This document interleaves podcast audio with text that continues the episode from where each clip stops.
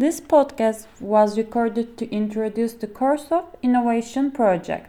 The purpose of this course is to design and implement research project in view of the synthesis of the knowledge acquired throughout the curriculum by sharing the knowledge and efforts of the students under a team spirit.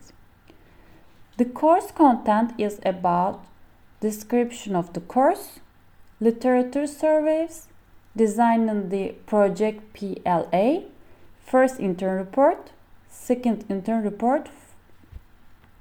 In this course, student will learn how to establish of a project team and they will also learn to establish a cargo company and implementations in service industry.